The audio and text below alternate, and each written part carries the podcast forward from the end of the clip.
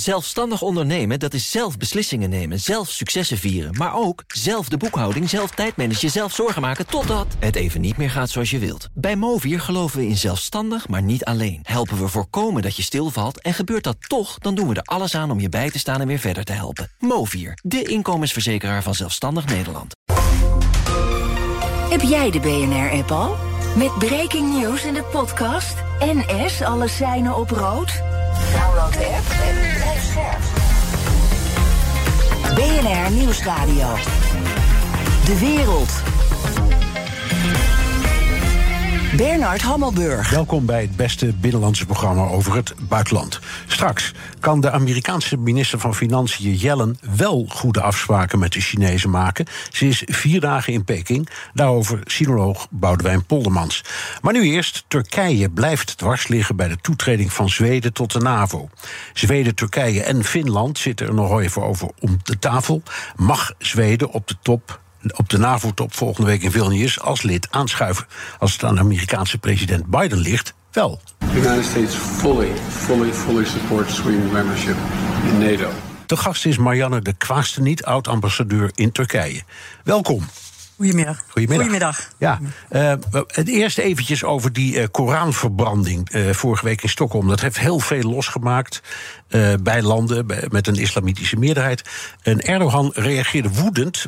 Die zei: We zullen de arrogante westerse mensen eens leren dat het beledigen van de heilige waarden van moslims geen vrijheid van meningsuiting is. De, de, de Zweedse rechter vond dat wel. Wat moeten wij hiervan vinden? Nou, uh, het is een thema wat al uh, een hele tijd speelt. Hè. De islamofobie is een, een thema wat hij voortdurend bespeelt. En dat doet hij binnenlands. maar hij doet het natuurlijk ook om zijn status te versterken in de groep van islamitische landen. Er is afgelopen zondag nog een bijeenkomst geweest van de Organisatie van Islamitische Landen over die Koranverbranding. Uh, en die hebben een verklaring aangenomen waarin ze zeggen dat ze uh, hard hun best gaan doen om uh, islamofobie de kop in te drukken. Maar het is een, een thema wat al heel lang speelt, wat, ja, wat hij gebruikt om steeds het Westen te beschuldigen van ja, ongevoeligheid ten aanzien van de dingen die in de moslimwereld als heilig bevonden worden. En ehm, ja, hij, hij, speelt dat ui om het Westen onder druk te zetten. Ja. Om steeds maar. Uh, ja, aan, aan, de andere kant, uh, aan de andere kant, je kunt uh, toch um, één Zweed of een paar Zweden niet kwalijk nemen. Of je kunt het Zweden niet kwalijk nemen dat één of iemand of een paar mensen een Koran verbranden. Dat is toch niet een, het, het hele land dat dat doet of daarachter staat? Nee, dus dat is ook zo. En, en, en ik denk ook niet dat de Zweden eh, zullen reageren hierop. In de zin van dat ze zullen doen wat eh, Erdogan eh, vraagt, namelijk dit soort dingen verbieden. Uh, maar hij, hij buit het uit om uh, zijn uh, boodschap van arrogantie van het Westen, om die steeds maar weer te, te herhalen en ja, daar een slaatje uit te kunnen ja, slaan. Even iets wat net in het nieuws was. Er is een, um, een, een financier of een bemiddelaar in Zweden veroordeeld tot, ik geloof, 4,5 jaar gevangenisstraf. Ja. Omdat hij uh, nou ja, actief was voor de PKK. En uh, ik las meteen in allerlei commentaren: ja, dit is duidelijk. Ik bedoel, eh, die man zal wel echt fout zijn geweest, maar dit is duidelijk ook bedoeld om, Zwee, om uh, Turkije te laten zien: ja, ja, we hebben de vinger echt aan de pols. Ja, nou, kijk, het is misschien, de, de timing is misschien niet helemaal uh, toevallig. Uh, maar uh, het is toch echt zo dat onder druk van de situatie die vorig jaar is ontstaan, toen Turkije niet meteen akkoord wilde gaan met toetreding van Zweden van het bondgenootschap, men toch iets preciezer is gaan kijken naar wat er in de Koerdische gemeenschap in, in Zweden gebeurt. Uh, en ja, blijkbaar kan dat toch niet allemaal uh, door de beugel. Uh, ze hebben een aantal stappen gezet, die Zweden. Ze hebben een nieuwe terrorismewet aangenomen. Ze hebben de grondwet veranderd. Um, maar de Turken hebben ook steeds gezegd van ja, nu willen we ook wel uh, de daden zien. We willen ook de, de, het tastbare bewijs zien van dat het werkelijk uh, anders wordt.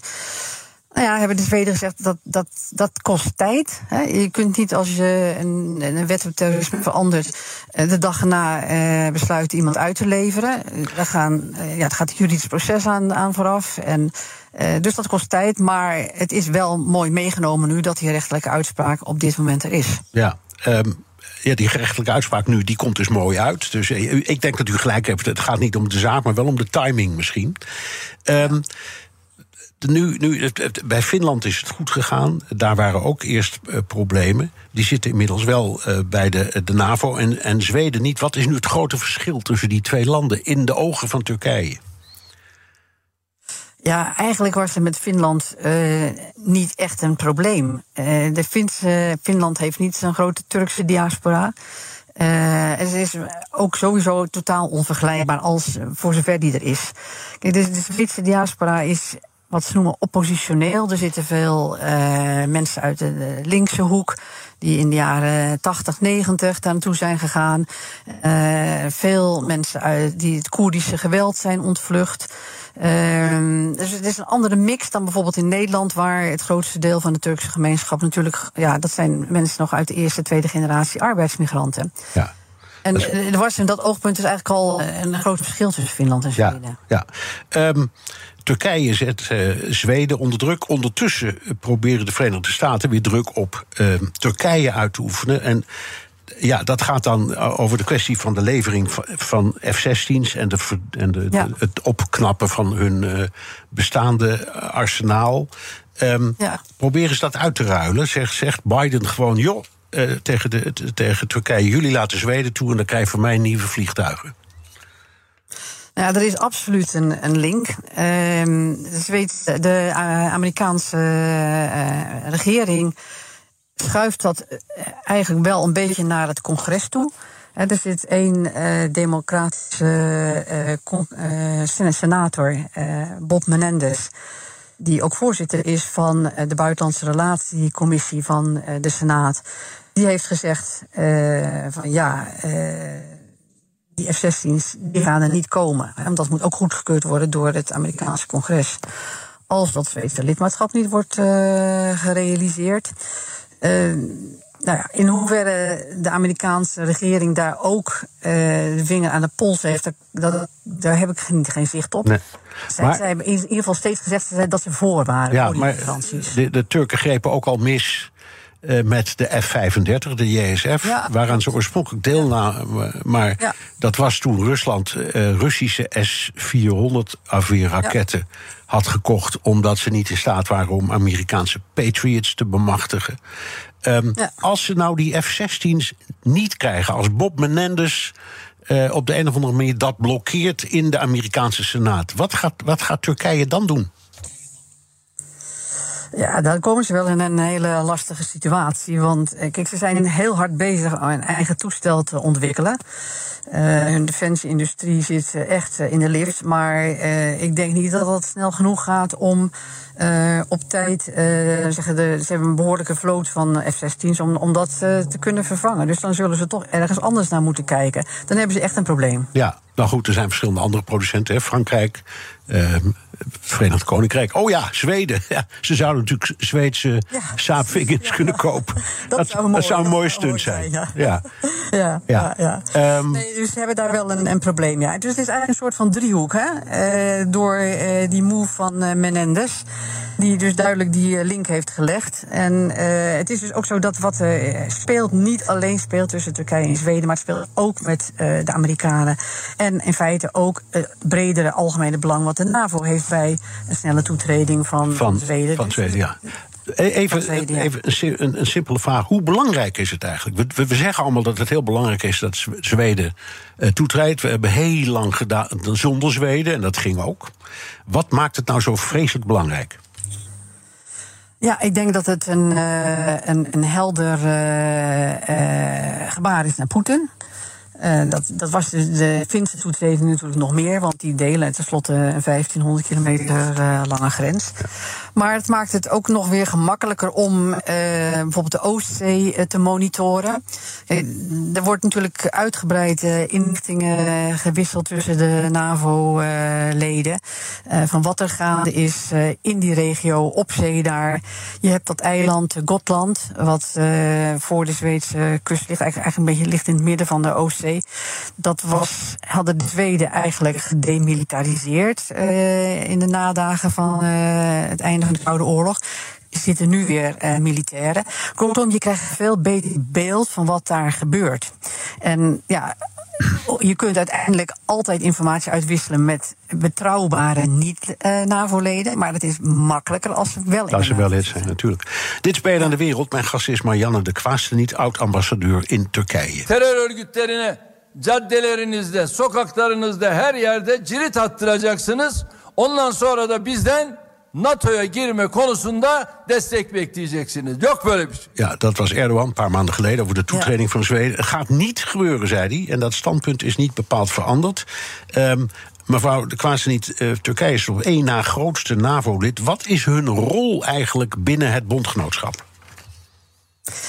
Nou, ik denk dat dat uh, de afgelopen twee jaar uh, duidelijker geworden is dan ooit. Door uh, het conflict met, tussen Rusland en uh, de oorlog van uh, Rusland en Oekraïne. Ze beheren de, de straten naar de Zwarte Zee toe. Dat is een heel belangrijk iets. Ze hebben een heel groot, het is een heel groot land, een uitgestrekte landmassa. Waardoor ze ook strategische diepte kunnen geven richting het onrustige Midden-Oosten. Vroeger ook richting de Sovjet-Unie. Ze hebben een groot, groot krijgsmacht die ze ook ehm, inzetten wanneer dat nodig is. Bijvoorbeeld, in, ze hebben eh, al die twintig jaar dat de NAVO in Afghanistan zat, hebben zij ook in Afghanistan, in Afghanistan gezeten. Uh, ze zitten in Kosovo in de NAVO-operatie. Kortom, ze vervullen gewoon hun, hun taken op een, op een goede manier binnen de NAVO. Ja.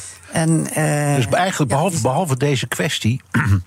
en misschien hun wat op, opmerkelijke rol in het conflict tussen Oekraïne en, en, en, Rusland. Maar behalve deze kwestie speelt er eigenlijk niet zoveel. Dus ik bedoel binnen de NAVO binnen de NAVO eh, zijn ze niet altijd de gemakkelijkste partner. Hè. Zo naar die top toe zijn er toch een stuk of drie, vier uh, ingewikkelde onderhandelingssituaties waar de Turken ook niet altijd uh, de gemakkelijkste mensen zijn. Maar door de bank genomen vervullen ze hun rol als NAVO-lid op een goede manier. Ja, um, Erdogan heeft de verkiezingen gewonnen, blijft nog vier jaar, vijf jaar president. Um, ja. Een heleboel mensen dachten, nou, dat hele verhaal over die, die Koerden en, en Zweden, dat is een beetje het toneelstuk voor de verkiezingsrace. En zodra hij helemaal gewonnen heeft, laat hij dat lopen. Maar dan hebben we, dat was waarschijnlijk westers wensdenken. Ja, misschien, uh, misschien wel, maar die, die, die Koranbranden kwam er weer overheen. En dan komt er natuurlijk druk op Erdogan vanuit de islamitische wereld. En ook vanuit zijn eigen orthodox-islamitische achterban. Dus daar moest hij toen ook weer wat mee. Uh, en ja, ze zijn ook wel serieus over uh, dat ze echt gepikeerd zijn over het feit dat westerse landen niet serieus genoeg kijken naar wat er in hun Turkse gemeenschappen gebeurt. Nee. nee dat, dat, er gerecruiteerd wordt. Ja. ja en dat er geld wordt ingezet. Oké, ondertussen zit Erdogan ook niet stil. Die trekt de banden in de regio weer aan. Uh, met met uh, Egypte, ook met de golfstaten. Ja. Uh, dat is belangrijk, eh, want er is jarenlang gezegd... hij heeft eigenlijk een, ideale positie ehm, tussen al die, die landen. Hij heeft ook geld nodig, want het gaat niet goed met de, ehm, ja. de economie. Is, is, speelt hij dat onderdeel van de wedstrijd goed en handig? Nou, hij is eigenlijk de fout aan het herstellen die hij uh, de afgelopen tien jaar heeft gemaakt. Hè? Want uh, de afgelopen tien jaar is er eigenlijk. Uh, nadat hij de keuze had gemaakt om de Muslim Brotherhood de moslimbroederschap moet ik zeggen, overal te, te, steunen, is hij steeds meer in een isolement geraakt. hij heeft eigenlijk vanaf het begin af aan ruzie gehad met president Sisi van Egypte. Ja. Ehm, doordat hij de moslimbroederschap steunde, had hij ruzie met de Verenigde Arabische Emiraten. Ja. Met Israël had hij ruzie omdat hij sympathie heeft voor Hamas. Ja, nou, dat is een afsplitsing van de, van de broederschap, dus dat is logisch. Ja. Ja. Precies. Dus hij, heeft, hij was eigenlijk helemaal geïsoleerd geraakt. En eh, wat hij de afgelopen jaar, anderhalf jaar heeft gedaan, is dat herstellen. Hij heeft dus eigenlijk een, een, een, weer een omwenteling gemaakt van 180 graden. Ingezien dat hij op een doodspoor zat. En is eraan begonnen om eh, die relaties allemaal weer eh, te normaliseren. Ja, dat heeft, dat hij er heeft, goed in geslaagd. ja. Ja. Dat heeft natuurlijk heel veel te maken met de economie. Hij heeft het nodig. Hij heeft heel Ja. eigenwijs geweigerd de rente te verhogen. Die heeft hij steeds maar laag gehouden. Ja. Daardoor is zijn eigen munt ingestort, de economie ingestort. Gaat dit hele pakket hem nu helpen om dat een beetje te verbeteren? Nou, ik, daar heb ik nog wel mijn twijfels over of dat economisch eh, gaat lukken. Maar hij heeft het ook wel gedaan om, om andere redenen. Kijk, hij zag dat toen hij eh, geen goede betrekkingen meer had met Egypte, eh, Israël. Eh, en Israël, dat hij ehm, bijvoorbeeld aan het kortste eind trok, waar het ging over eh, de kwestie van de gasexploratie in het oostelijk deel van de Middellandse Zee. Ja. Er is een, een soort forumpje opgericht tussen eh, Israël, Egypte, de Cypriotische Republiek en Griekenland. Ja, en daar waren de Turken buiten. En ja, als er één land is met een lange kustlijn in de oost, oostelijk deel van de Middellandse Zee, dan is het Turkije. Dus dat, dat stak ze enorm. Ehm, daarnaast eh, kwam hij Egypte tegen eh, in Libië, waar eh, Turkije en Egypte dus verschillende partijen steunden in het conflict wat daar gaande is. Kortom, eh, hij sneed zichzelf van alle kanten in Ja, de vingers. Dus het is economie, het is eh, gasexploratie. Ja. Het zijn meerdere dingen. Even één, één kort vraag. Als, eigenlijk alleen maar een ja of nee. Gaat het lukken met dat lidmaatschap op deze top in Vilnius? Van Zweden? Ja. Eh, ik, ik sluit het niet 100% uit. Oké. Dank Marianne de Kwaaste niet, oud-ambassadeur in Turkije. Blik op Europa. Met Europa-verslaggever Geert-Jan Haan. En die is in Den Haag. Geert-Jan, ik dacht dat je onderweg was naar eh Vilnius. Maar nee hoor, in Den Haag. Wat doe je daar? Ik ga over een paar dagen naar veel nieuws, Bernard. Ik ben nu nog in Den Haag op de jaarlijkse RECA-conferentie. En RECA, dat is een soort eh, kennisplatform. Een paar jaar terug in het leven geroepen door eh, het ministerie van Buitenlandse Zaken. eh, denktanks als Klingendaal. Eh, maar ook Raam op Rusland. En eh, nou ja, je weet dat ik eh, de BNR Perestroikas maak. En we zijn mediapartner daarvan. En we hebben zojuist een, een podcast hier met publiek opgenomen. Ehm, en het is eigenlijk een conferentie waar iedereen die ook maar iets denkt te weten van Oost-Europa bij elkaar komt. En dan komen we er na zo'n dag achter dat we eigenlijk helemaal niet zoveel ervan weten. Nee, nou ja, ondanks jouw bijdrage aan de BNR-uitzendingen, want dat gaat heel vaak erover. Maar het is klaarblijkelijk nog niet genoeg. We komen direct even op terug. Eerst even naar die NAVO-top. Je zegt dus je gaat erheen. Wat verwacht jij? Nou, ik denk dat er eh, twee toch wel zeer belangrijke kwesties zijn. De ene kwestie heb je net besproken, eh, uitgebreid, namelijk wel of niet dat Turkije ehm, zegt, en uiteindelijk ook Hongarije, dat, ehm, eh, dat Zweden erbij mag bij de NAVO.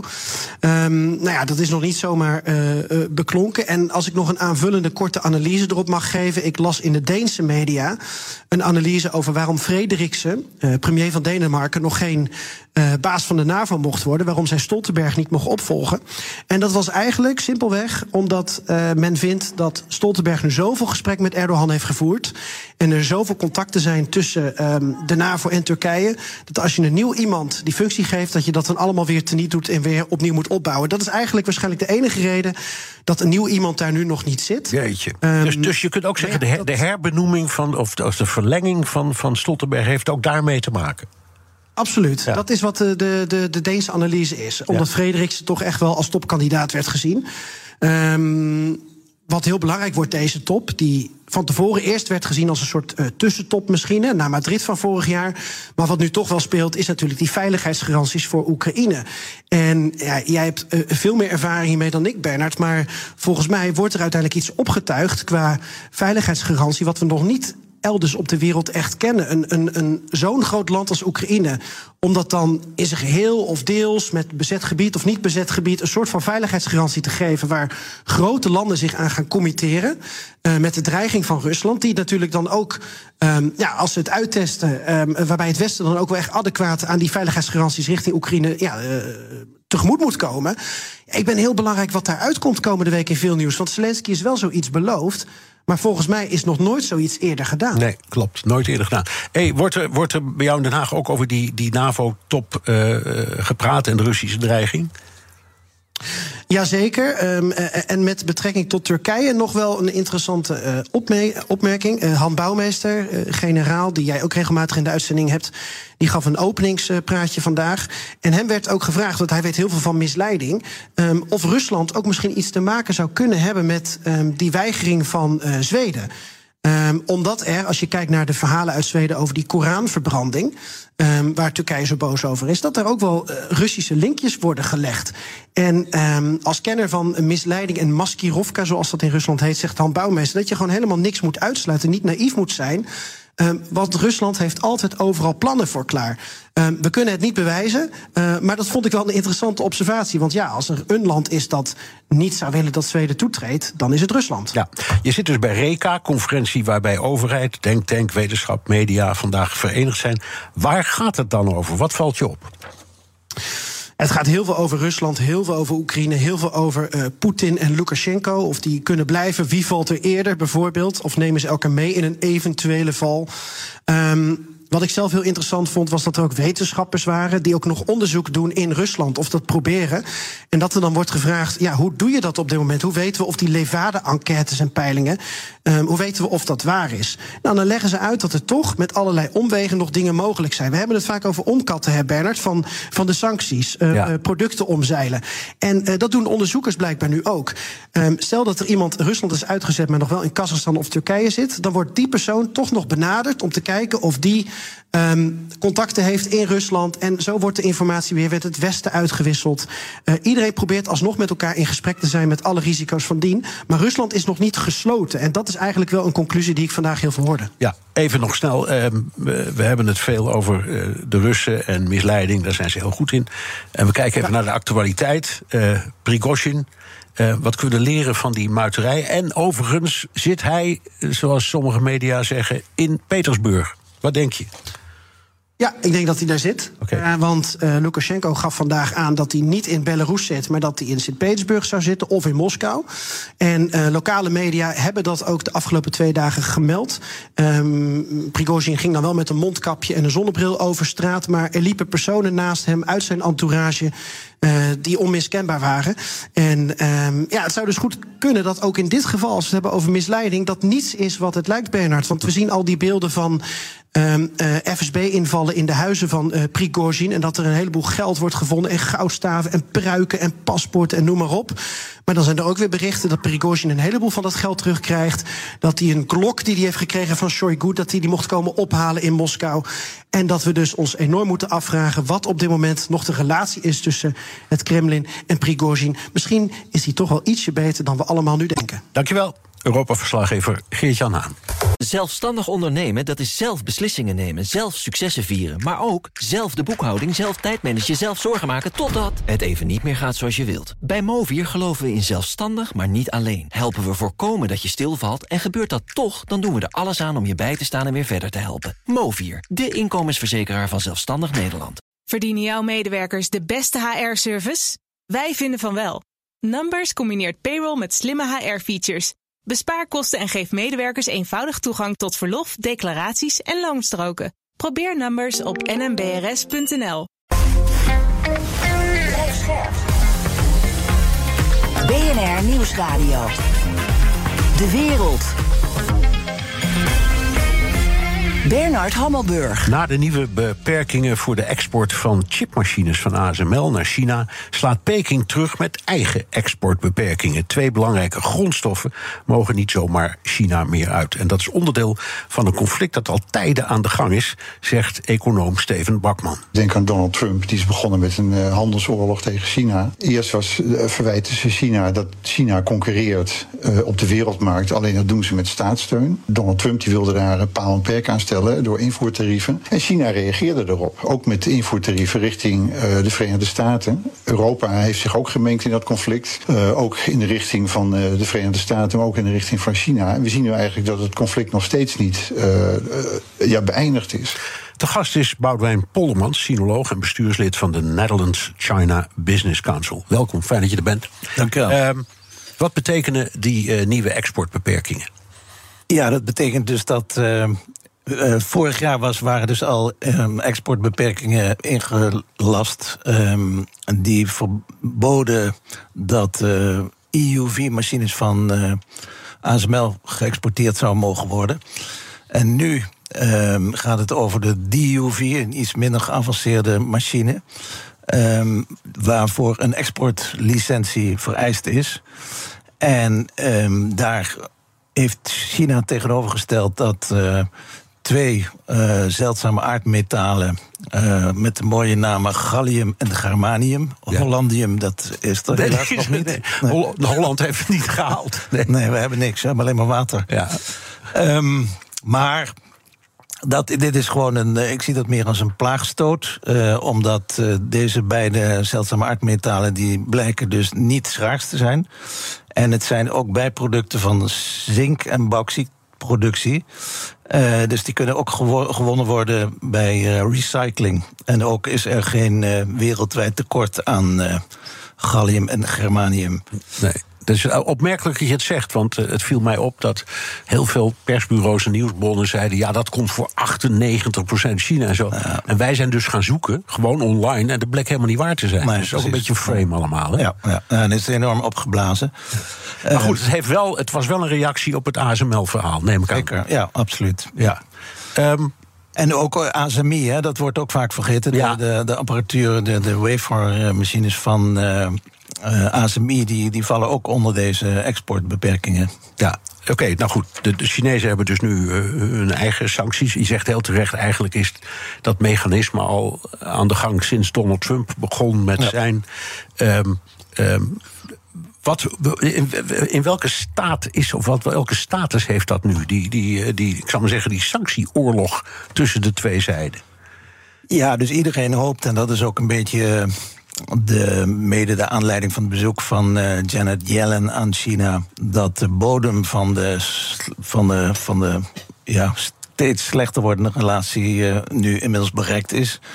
En dat van beide kanten geprobeerd wordt om die relatie weer uh, in wat normaler vaarwater te krijgen. En ook door de communicatiekanalen weer te openen op alle niveaus. Het enige niveau waar dat nog niet het geval is, en dat zal waarschijnlijk ook niet gaan, gaan gebeuren, dat heeft Blinken niet voor elkaar gekregen. En dat gaat mevrouw Jellen denk ik ook niet voor elkaar krijgen. Dat is op militair niveau. Nee.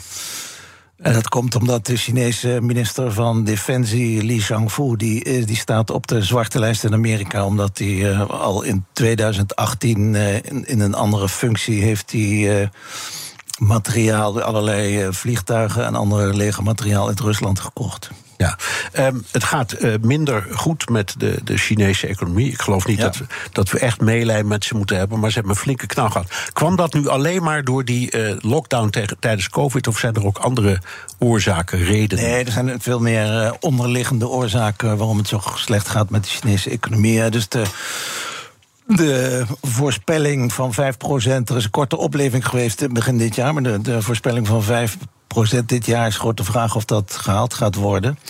Uh, er zijn een aantal uh, onderliggende oorzaken.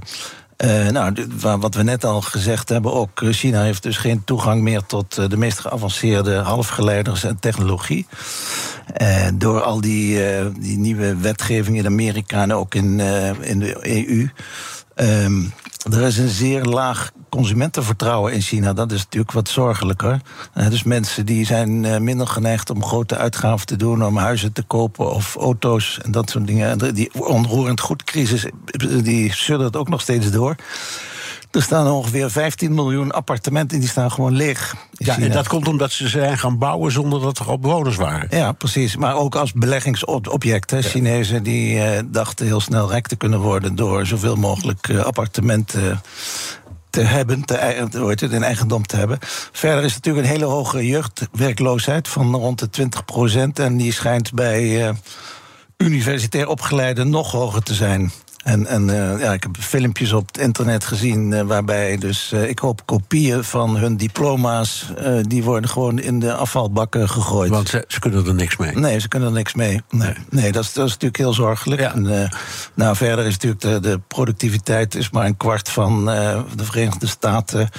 De, dat is ook inmiddels al ruim, ruim aandacht aan besteed. de afnemende beroepsbevolking. Hè. Over een jaar of zeventig is de Chinese bevolking ongeveer gehalveerd. Dus dat is ook uh, vrij zorgelijk. En alle pogingen tot nu toe van de overheid om uh, mensen echt toe aan te zetten en, en ook te ondersteunen om meer dan zelfs twee kinderen te krijgen, dat, die zijn er ook mislukt. Nee, nee. Even, we gaan direct praten over ja. dat bezoek van Jellen en wat ja. ze voor elkaar kan krijgen. Even de kwestie Taiwan. Ja. Um, dat is een enorm breekpunt. Mijn indruk is ja. steeds geweest dat het ook wel een klein beetje propagandistisch is van onze kant. Want Zeker. als je echt iets om Taiwan geeft, moet je het erkennen. Nou, dat Absoluut. doen we niet. Nee, dat doen we niet. Dat maar, doen we niet. Maar wat, wat ik behoorlijk zorgelijk vind, is dat er dus een. Uh, delegatie van twaalf Kamerleden op het punt staat om, ik geloof volgende week, af te reizen naar Taiwan om de lokale democratie verder te ondersteunen. Nou ja, dat is natuurlijk zeker vanuit Nederland gezien het laatste wat je moet doen. We hebben natuurlijk hele slechte ervaringen daarmee. Eh, natuurlijk, het is al even geleden de duikbotenaffaire. Toen heeft de, de relatie tussen China en Nederland op zakelijk gebied bijna drie jaar stilgelegen.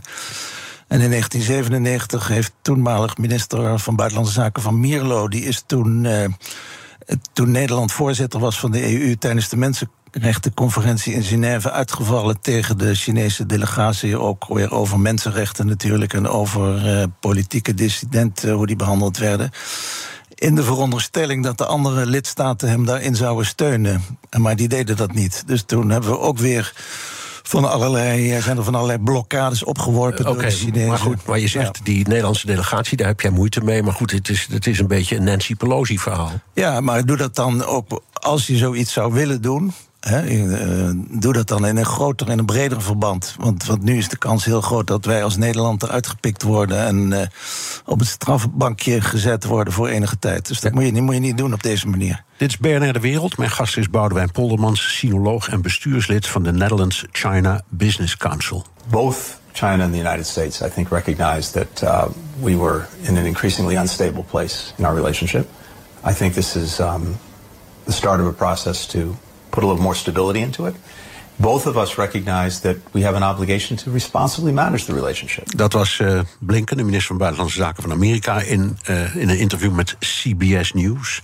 Uh, twee weken geleden bezocht hij als eerste minister in vijf jaar China. Nu is Yellen daarheen voor vier dagen, minister van Financiën. Is dat een betere optie?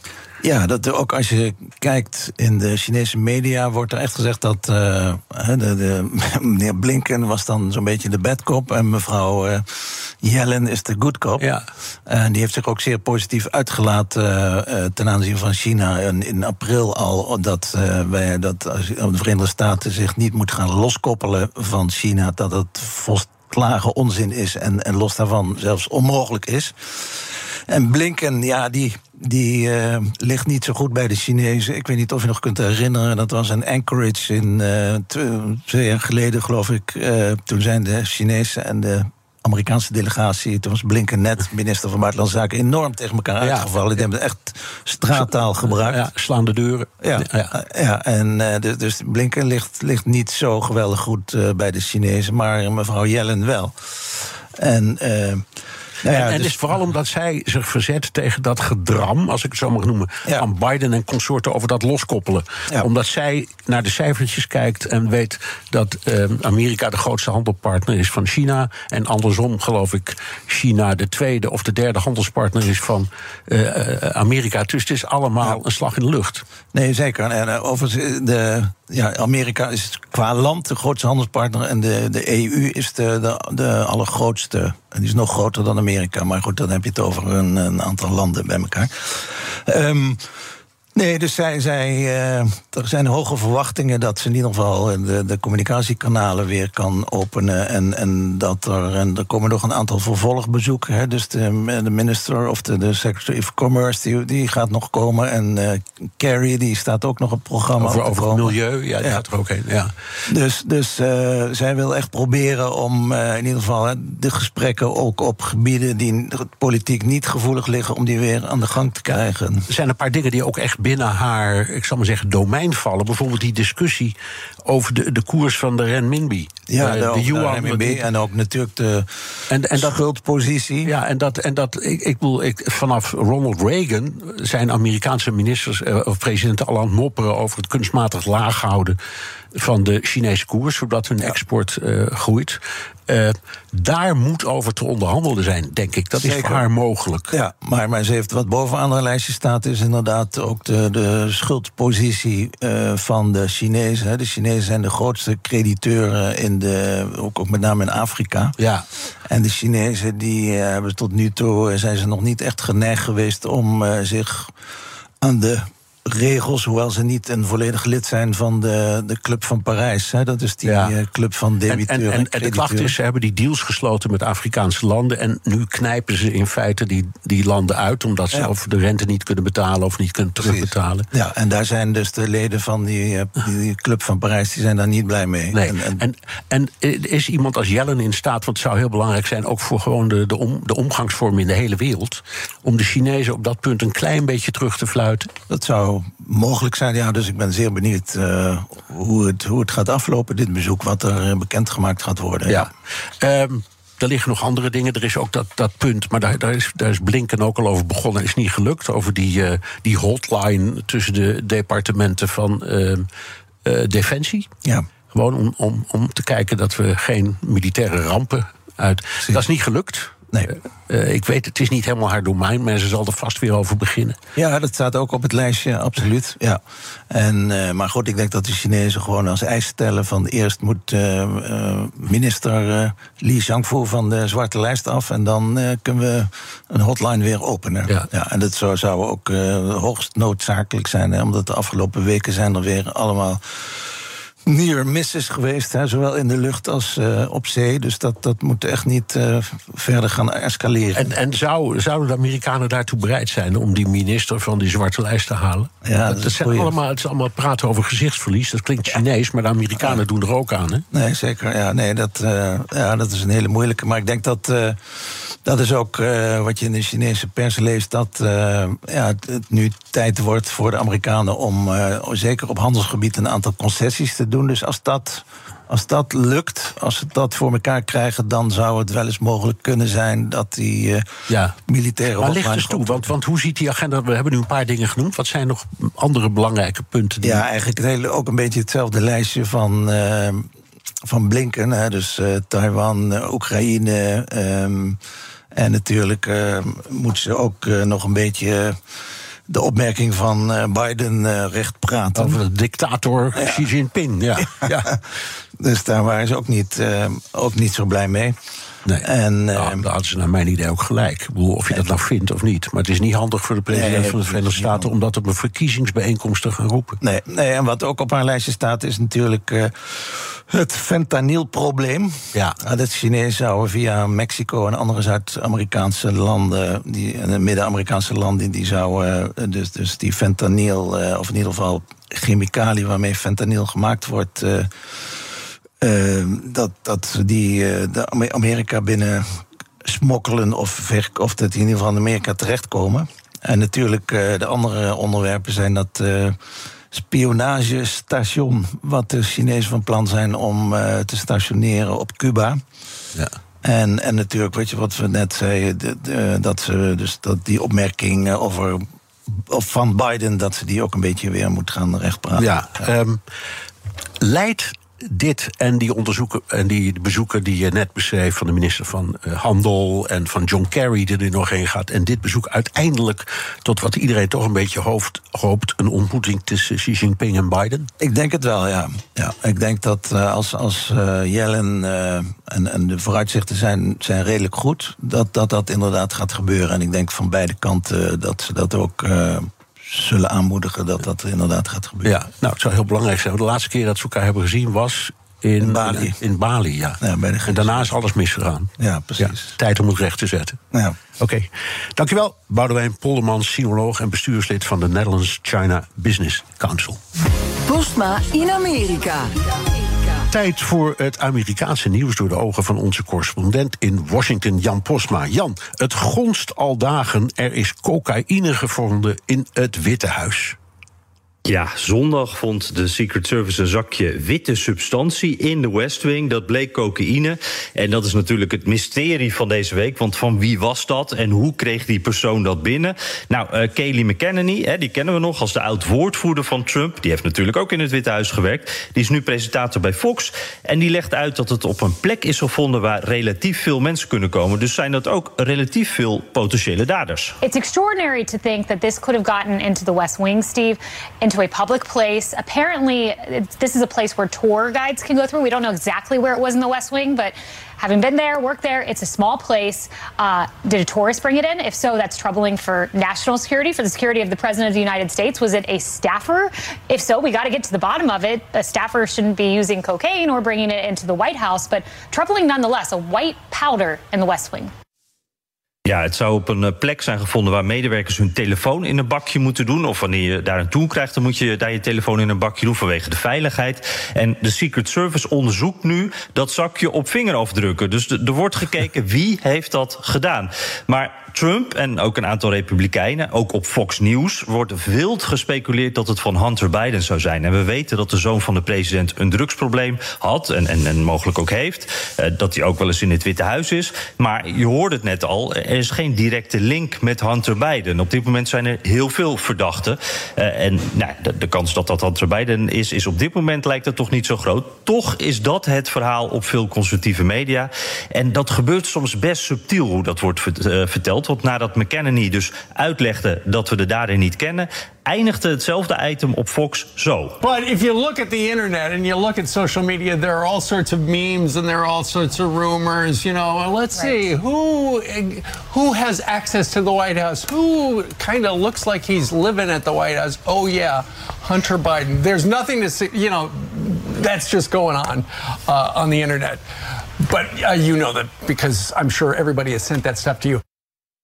Ja, ik zeg het niet, maar het gaat nu rond op het internet en iedereen heeft het erover. En ik zeg als Fox-presentator nu dat het dus op het internet. En, nou ja, dan, dan zeg je het dus eigenlijk uiteindelijk als presentator ook op tv. En daarmee is Fox dus weer eigenlijk die, die echo-kamer geworden, hè, die, die het zo vaak is in dit soort gevallen. Geruchten die worden herhaald als geruchten, langzaam zo een beetje steeds wat echter. En dit is waar iedereen het over heeft. Ja, nou komen drugs uh, in het Witte Huis niet alle dagen voor, maar het is niet de eerste keer. Nee, dit is zelfs niet de eerste keer dat er cocaïne in uh, het Oval Office was. Uh, nu gaan we even terug naar uh, 1989. George Bush senior die zit in de Oval Office, houdt een betoog over de gevaren van drugs. En dan houdt hij zittend achter dat presidentiële bureau een zakje omhoog. This, this is crack cocaine. Seized a few days ago by drug enforcement agents in a park just across the street from the White House. It could easily have been heroin or PCP. It's as innocent looking as candy, but it's turning our cities into battle zones. Ja, dus dit was al een president met cocaïne in zijn handen in de Oval Office. Uh, ik zei het net niet helemaal goed. Het, was de, deze keer dus in de West Wing en niet in de Oval Office. Maar in ieder geval, we hebben het allemaal op tv kunnen zien. Uh, voor zover wij weten is dit niet het gevonden zakje, zeg ik maar even. Ha, ha, ha. En nog een voorbeeld. En, en daarbij werd wel echt gebruikt, ook uh, in het Witte Huis. je hebt dit vast ook wel eens gehoord. Willie Nelson, de beroemde countryzanger, inmiddels 90... die al eens opbiechte dat hij op het dak van het Witte Huis wiet heeft gerookt. Met een van de zoons van Jimmy Carter. En ze noemden die, uh, uh, dat, dat, sigaretje wat ze rookten... een Fat Austin Torpedo. Dus dat zal een flink, uh, flinke joint zijn geweest. Ja, maar goed, dat is toch nog wat anders dan cocaïne of crack... wat volgens mij nu weer uit de mode is, waar de oude ja, Bush... precies, en zo'n jaren tachtig druk. Ja, zo'n jaren, jaren tachtig ding. Ehm, maar goed, het, het, ja, er zijn ook allerlei andere geruchten. Bush junior, die was een ik zal maar zeggen, herstellende of genezen ver, uh, verslaafde. Hè? Daar, daar, daar, kon hij zelf ook heel mooi over vertellen. Ja, alcohol uh, ook. Alcohol ook, dus um, nou ja, je weet maar nooit. Um, ik lijk Fox wel, zeg, als ik zo praat. ja. Je hebt iets op internet gezien. Ja, ik heb iets op internet gezien. Ja, dat klopt echt. Ja. Hey, Jan, even naar senator Ted Cruz. Die gaat de strijd aan met Barbie. Ja, het, het, zal jou ook vast niet ontgaan zijn dat er een Barbie-film aankomt. Uh, je wordt hier echt helemaal ermee doodgegooid op de Amerikaanse tv. En in die film is een kaart te zien waarop de negen strepenlijn uh, te zien is. De, de, Chinese afbakening van het betwiste gebied in de Zuid-Chinese zee. Ja. Uh, twistpunt We hadden het er net, net, net ja. met Boudewijn over. Je zit hier nog mee te luisteren en ook mee te genieten, ja, oh, hè, zo te zien. ja. Precies, dus ja. ik dacht, dit sluit mooi aan. En, en ja, ze hebben dat er waarschijnlijk ingestopt... omdat die makers ook in China willen scoren. Hè. Die film die moet overal veel uh, geld uh, in het laadje brengen. En daar is veel kritiek op natuurlijk. Vietnam die wil die film niet meer. Maar ook in Amerika is er kritiek. En Ted Cruz die gaat voorop in die strijd. En hij zegt, hier wordt echt Chinese propaganda verspreid. En dat zorgt voor echt wel ja, absurde momenten op de Amerikaanse tv. Dit is weer Fox, waar de presentatoren zich afvragen... waar de loyaliteit van Barbie eigenlijk ligt. Hollywood facing backlash over its ties to China. Senator Ted Cruz accusing the new Barbie movie of pushing CCP propaganda and groveling to the communist regime. So, Joe, is Barbie a communist? Maybe. Maybe. Ja, ja. ja, misschien wel. Dus ze kan misschien beter een rood pakje aandoen uh, voortaan als het volkslicht in plaats van dat roze. Ja, en Barbie is een communist. Nou, dat is toch wel groot nieuws. Mijn, mijn, jongste, mijn jongste kleindochter die is omgeven door communisten, als ik het zo hoor. Ja. Pas wel een beetje op. Barbie staat straks voor de, de Commissie of Un-American Activities. Bij ja, ja zo is dat. Maar de McCarthy-dagen uh, komen we terug. Jan, heel hartelijk dank. Uh, wilt u meer horen over dat fascinerende land? Luister dan naar de Amerika-podcast van Jan en mij. Uh, over, denk ik, anderhalf, twee uur staat hij weer online. En tot zover BNR De Wereld. Terugluisteren kan via de site, de app, Spotify of Apple Podcast. Reageren kan via mailtje naar dewereld.bnr.nl.